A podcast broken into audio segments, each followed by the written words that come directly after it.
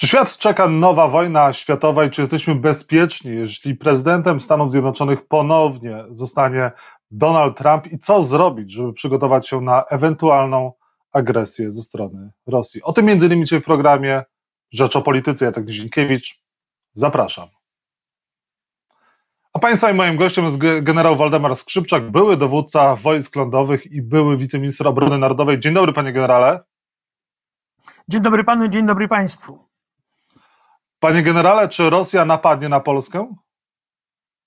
Na Polskę na pewno Rosja nie napadnie, bo nie ma takiego potencjału, który mogłaby dokonać agresji na Polskę, e, więc e, my mamy czas na to, który daje nam Ukraina, żeby się do ewentualnej agresji Rosji przygotować. Na dzisiaj takiego zagrożenia moim zdaniem nie ma, ponieważ Rosjanie nie mają potencjału i potrzebują kilku lat, żeby odbudować ten potencjał przy założeniu, że jednak wojna w Ukrainie się nie skończy.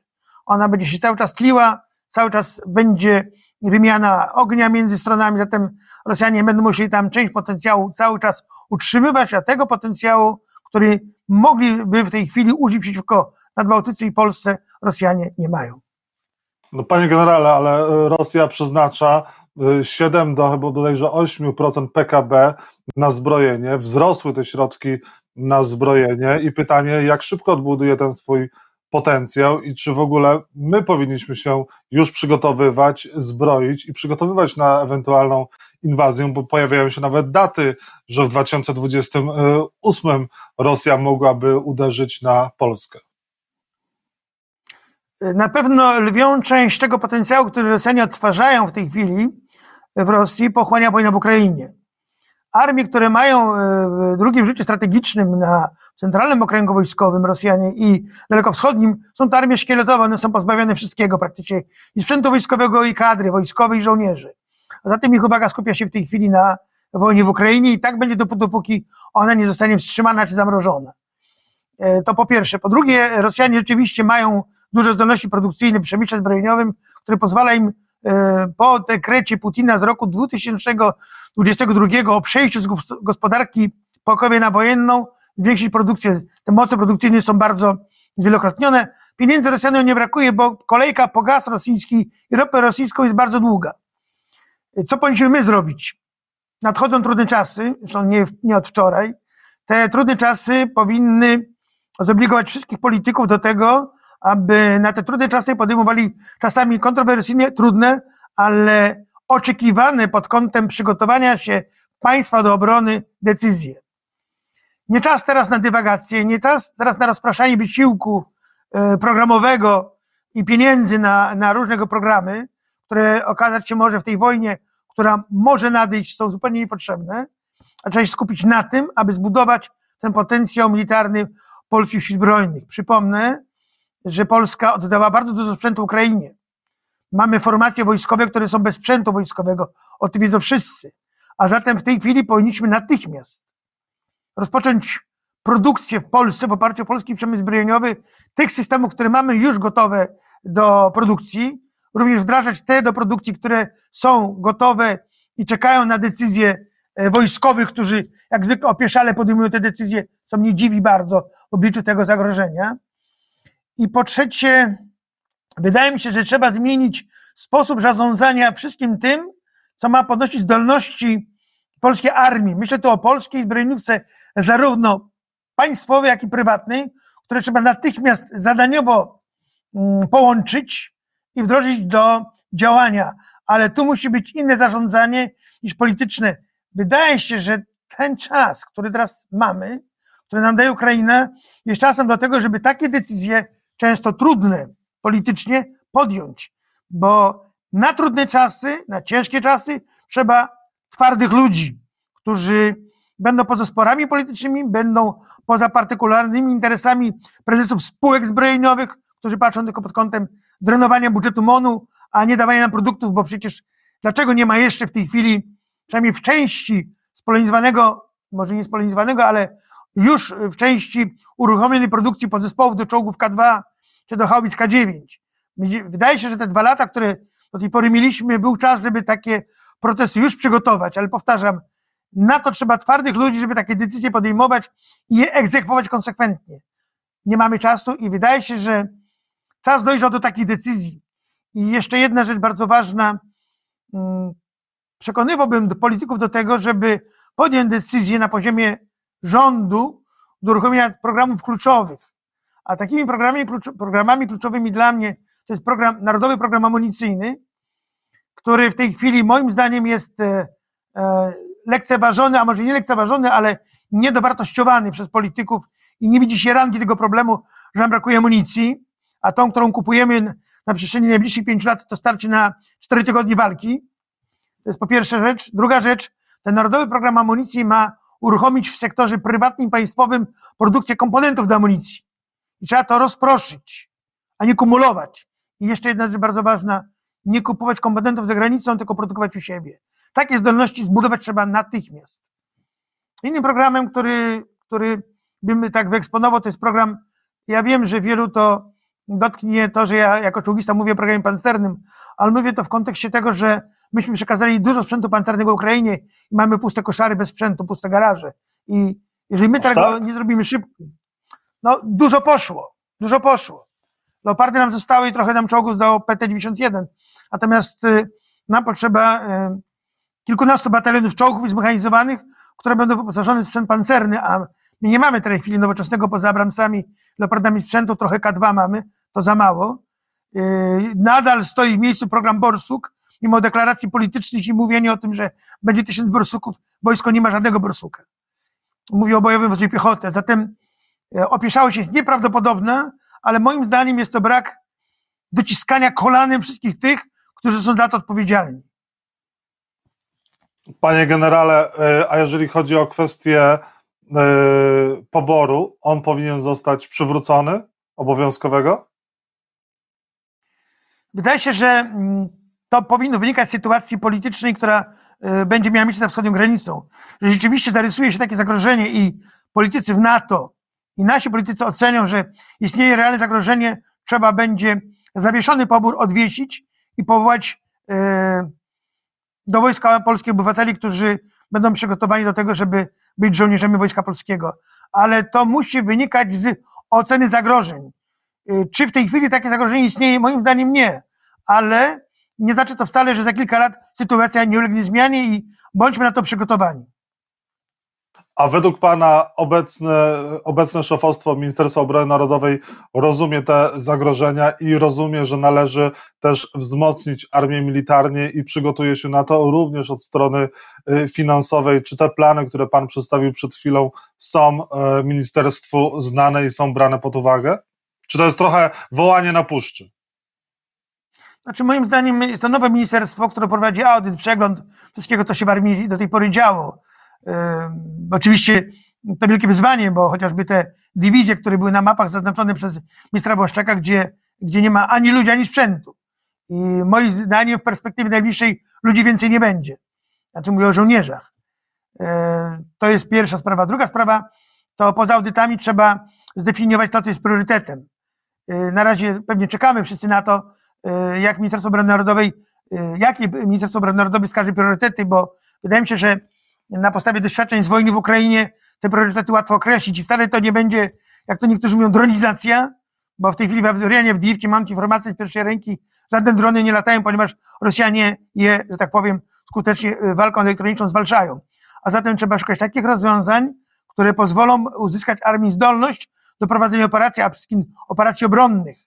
I tutaj trzeba dokonać reformy w armii, strukturalnej reformy w armii, chociażby w, w oparciu o te doświadczenia z Ukrainy, gdzie stawia się bardzo mocno na komponenty samodzielne, takie na poziomie batalionu, pełni autonomiczne, zdolne do prowadzenia wszystkiego typu działań bojowych. Na, na lądzie, łącznie z silnym komponentem wojsk inżynieryjnych, który pozwala wojsku działać w warunkach użycia e, wojny minowej, czy działania wojny minowej. Także to wyzwanie jest bardzo dużo i moim zdaniem w tej chwili kluczową kwestią jest określenie nie obiecywania wszystkiego, bo wszystkiego się nie da, za mało czasu mamy na to, za mało pieniędzy mamy na to, ale określenia wręcz priorytetów, które trzeba wdrożyć natychmiast do realizacji. Panie generale, a potrzebujemy bomby atomowej? To jest czas, żeby o tym rozmawiać? Znaczy, moim zdaniem jesteśmy cały czas pod parasolem e, na to, jeśli chodzi o broń jądrową. Czy my ją musimy mieć? Ja nie jestem tego e, zwolennikiem wcale, Natomiast uważam, że nasi sojusznicy dysponują takim potencjałem jądrowym, że są w stanie jakieś zadania na naszą korzyść w przypadku zagrożenia wykonywać, ale to wtedy będzie zawsze w ramach odwetu, który, który y, odwetu na uderzenie jądrowe y, Putina, bo on może nam tylko w ten sposób zagrażać.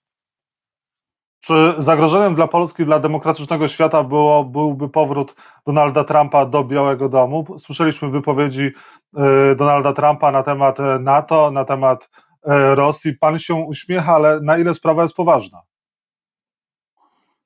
Znaczy, wie pan co, proszę wybaczyć, że tak powiem, ale na ile poważnie jest Trump? Y, bo my tą narrację Trumpa znamy od wielu, wielu lat. To nie jest nic nowego, co on powiedział teraz. Mnie Trump nie zaskoczył. Ja y, spodziewałem się jeszcze większych y, numerów w jego wykonaniu. Natomiast moim zdaniem nie przekłada się w ogóle to na to, co on deklaruje. Po pierwsze, Amerykanie nie wyjdą z NATO, ponieważ Amerykanie potrzebują NATO. Przykład Morze Czerwone, gdzie Francuzi i Brytyjczycy wspierają flotę amerykańską w rejonie w rejonie Morza Czerwonego i tak będzie również w przypadku, gdyby doszło do jakiegokolwiek konfliktu w rejonie Pacyfiku. To po pierwsze. Czyli podsumowując to, Amerykanie potrzebują NATO. Druga rzecz, y, moim zdaniem na narracji Trumpa jest szantaż skierowany do państw europejskich, które y, nie y, świadczą nakładów na obronę swoją wystarczającej wielkości, czyli te 2% PKB, które on określił. Czy to by wywołało jakikolwiek oddźwięk? Moim zdaniem y, to już jest jakby, y, to już się dzieje, ponieważ wiele państw y, to realizuje. Oczywiście te efekty tego to jest proces, więc to będzie trwało, ale generalnie wszystkie państwa europejskie się mobilizują przynajmniej od roku czasu i nakłady swoje zwiększają na. Panie generale, nie, nie wszystkie państwa, bo jeżeli chodzi o Niemcy czy Francję, one cały czas nie spełniają tych warunków, o których chociażby mówił Donald Trump, a Andrzej Duda, prezydent Polski, powiedział, że no to, co, o czym mówił Trump, nie dotyczy, e, nie dotyczy Polski, no bo przecież my te środki przeznaczamy, no ale pytanie, jeżeli te inne kraje największe Unii Europejskiej nie przeznaczają tych wystarczających środków PKB na e, NATO, no to uderzenie w te państwa ewentualne Rosji nie zagrażałoby y, Polsce. No, pytanie o logikę tutaj już prezydenta Andrzeja Dudy. Patrzę na to inaczej. Niemcy dają 100 miliardów euro na modernizację armii. I to jest 100 miliardów, które oni wycisną z swojego przemysłu. Oni więcej z tego przemysłu nie wycisną niż 100 miliardów. Więc, wie pan, rozdawanie pieniędzy, na przykład na zakupy w Ameryce, jak teraz przyjeżdża prezes Lockheed Martina i będzie nam dyktował warunki, znaczy bezwarunkowo podchodzi do tego, macie kupić. Tak nas traktują Amerykanie, Lockheed Martin. A ceny są kosmiczne. To jeżeli te 4% PKB mają iść po to, żeby Amerykanów ich oczekiwania spełniać, to nie buduje to zdolności, bo przepłacamy za wszystko. Patrzę na to pod tym kątem. Niemcy i Francuzi mają przemysły zbrojeniowe, którego nie przystawili jeszcze na te tory wojenne, i pewnie go nie przestawią, ale oni mm, oceniają, na ile ich starczy, jeśli chodzi o produkcję. I na tyle, tej, na tyle płacą pieniędzy przemysłowi, ile oni są w stanie wyprodukować. Więc ja bym tutaj się nie przywiązywał do tego akurat 2% PKB, tylko do zdolności przemysłów tych państw do wyprodukowania sprzętu na potrzeby armii. Tym bardziej, że ani Niemcy, ani Francuzi tak za, do, na dobrą sprawę za granicą nic kupować nie będą. Oni inwestują w swój przemysł zbrojeniowy, stawiają na swój przemysł zbrojeniowy, który ma potencjał. I ja bym to w ten a sposób to, widział.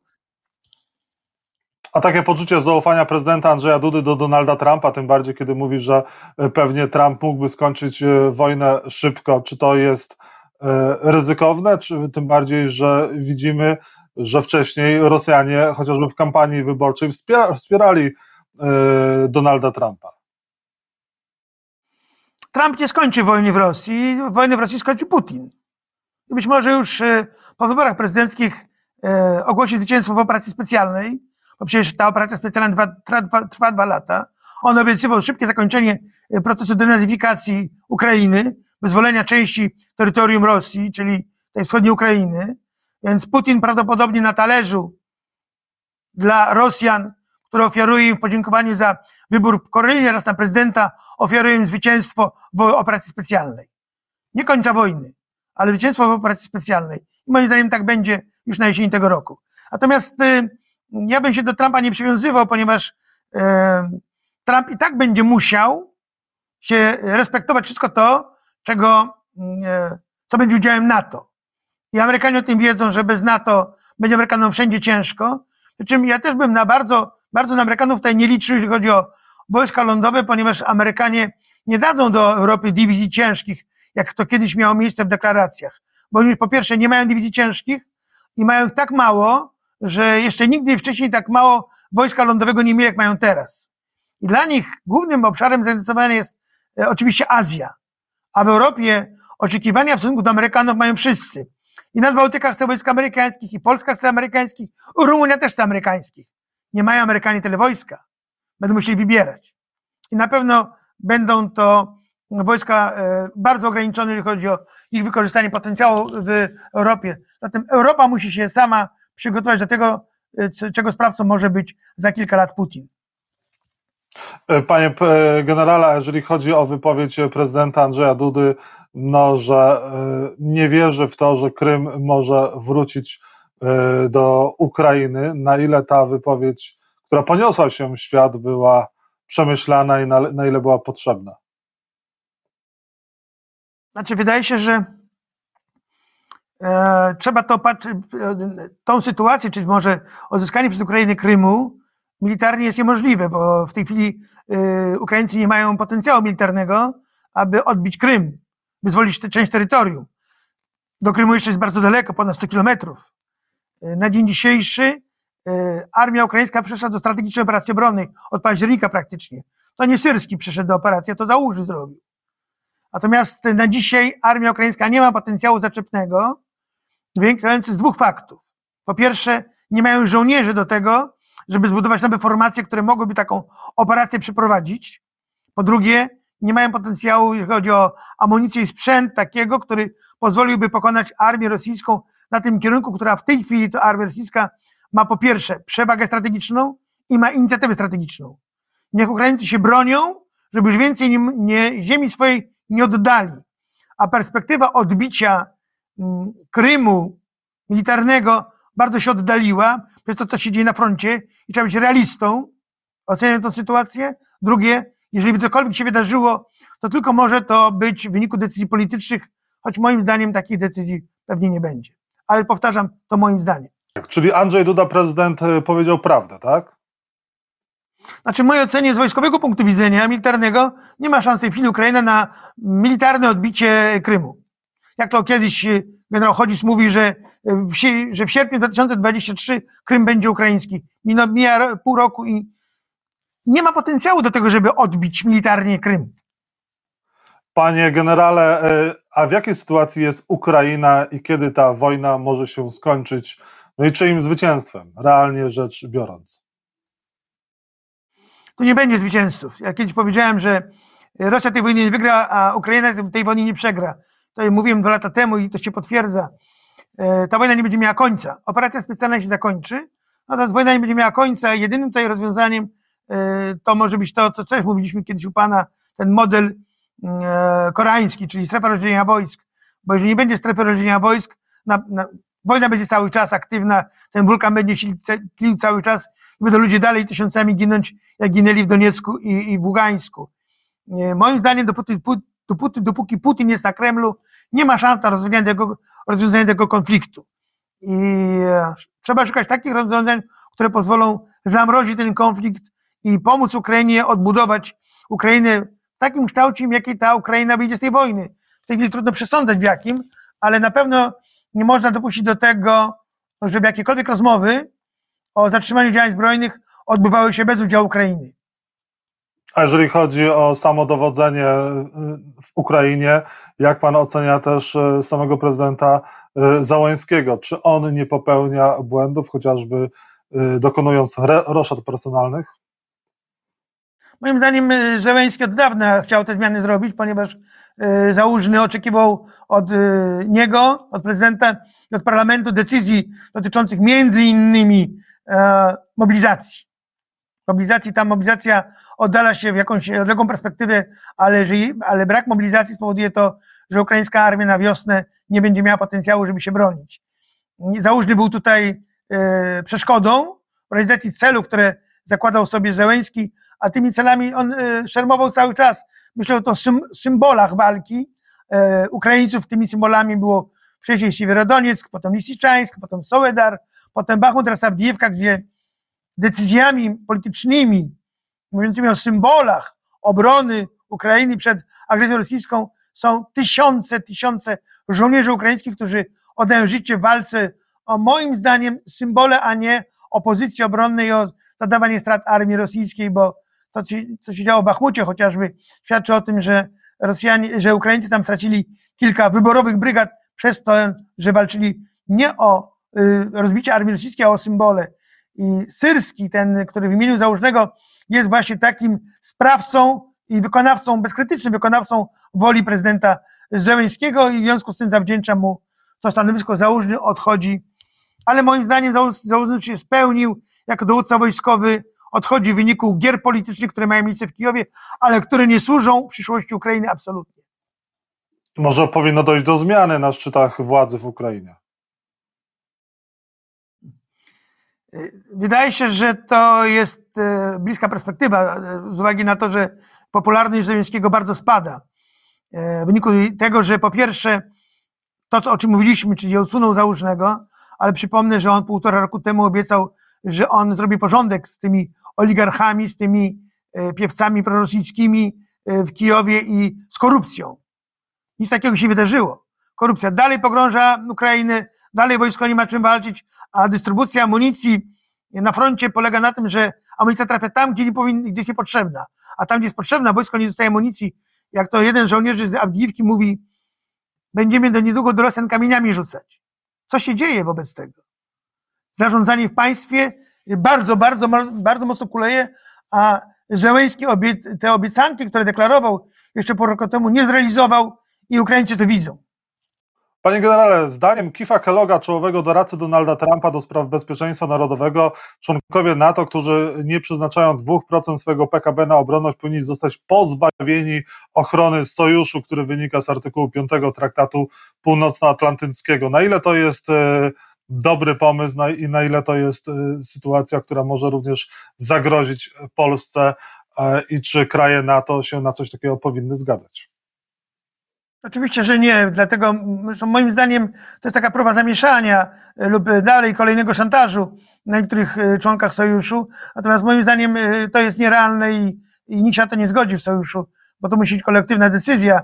To po pierwsze, a po drugie, wydaje mi się, że ocena możliwości tego, co się, ocena tego, co się dzieje w Europie, jeśli chodzi o te 2% PKB w państwach, jeśli chodzi o modernizację, odbudowę sił zbrojnych, jest moim zdaniem u Amerykanów niewłaściwa. Amerykanie, tak jak powiedziałem, patrzą na to inaczej niż my patrzymy, tak jak powiedziałem. Przemysły zbrojeniowe biorą tyle pieniędzy, ile mogą produkować i muszą to Amerykanie zrozumieć, że Europa jest w takiej sytuacji, że do tej pory nie otworzyła jeszcze swoich zdolności na tyle, na tyle się od niej oczekuje. Mówię o to programach zbrojeniowych, bo przypomnę jeszcze raz, że Europa nie przeszła na produkcję wojenną nawet w jakimkolwiek stopniu, aby zwiększyć swoje zdolności produkcyjne. Mnie się wydaje, że te deklaracje, które składa doradca Trumpa, mają między innymi spowodować to, żeby takie decyzje w Europie były podjęte, a w Polsce na pewno. Musimy w części przejść na produkcję jak przed kryzysem albo w kryzysie i na to zarządzanie, bym powiedział, takie nakazowo-poleceniowe czy nakazowo-wykonawcze, ponieważ my sobie nie możemy pozwolić na to, żeby przemysł zbrojeniowy funkcjonował na zasadach pokojowych wtedy, kiedy za bramami Polski stoi wojna. I na koniec e, Donald e, Tusk e, zachęca przedstawicieli krajów demokratycznego Zachodu do tego, żeby jednak bardziej pomagali Ukrainie, więcej przeznaczali broni na pomoc Ukrainie, no i żeby nie byli zmęczeni, jak to mówią, tą wojną na Ukrainie. Czy misja Donalda Tuska, polskiego premiera, powiedzie się, czy tutaj sytuacja jest przesądzona i to zmęczenie Zachodu wojną jest y, widoczne i będzie postępować?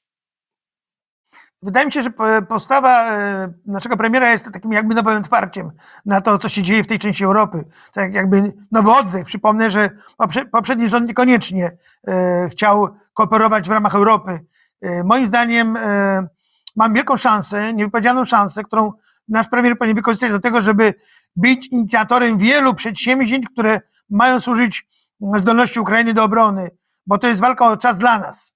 I tutaj Polska, premier Tusk, powinniśmy być liderami, którzy będą y, wiedli Europę do tego, aby mm, przekonywać wszystkich do pomocy Ukrainie i do tego, żeby budować y, te potencjały obronne, które są nam potrzebne, żeby na tyle ostraszyć Putina, żeby nie miał odwagi nas zaatakować.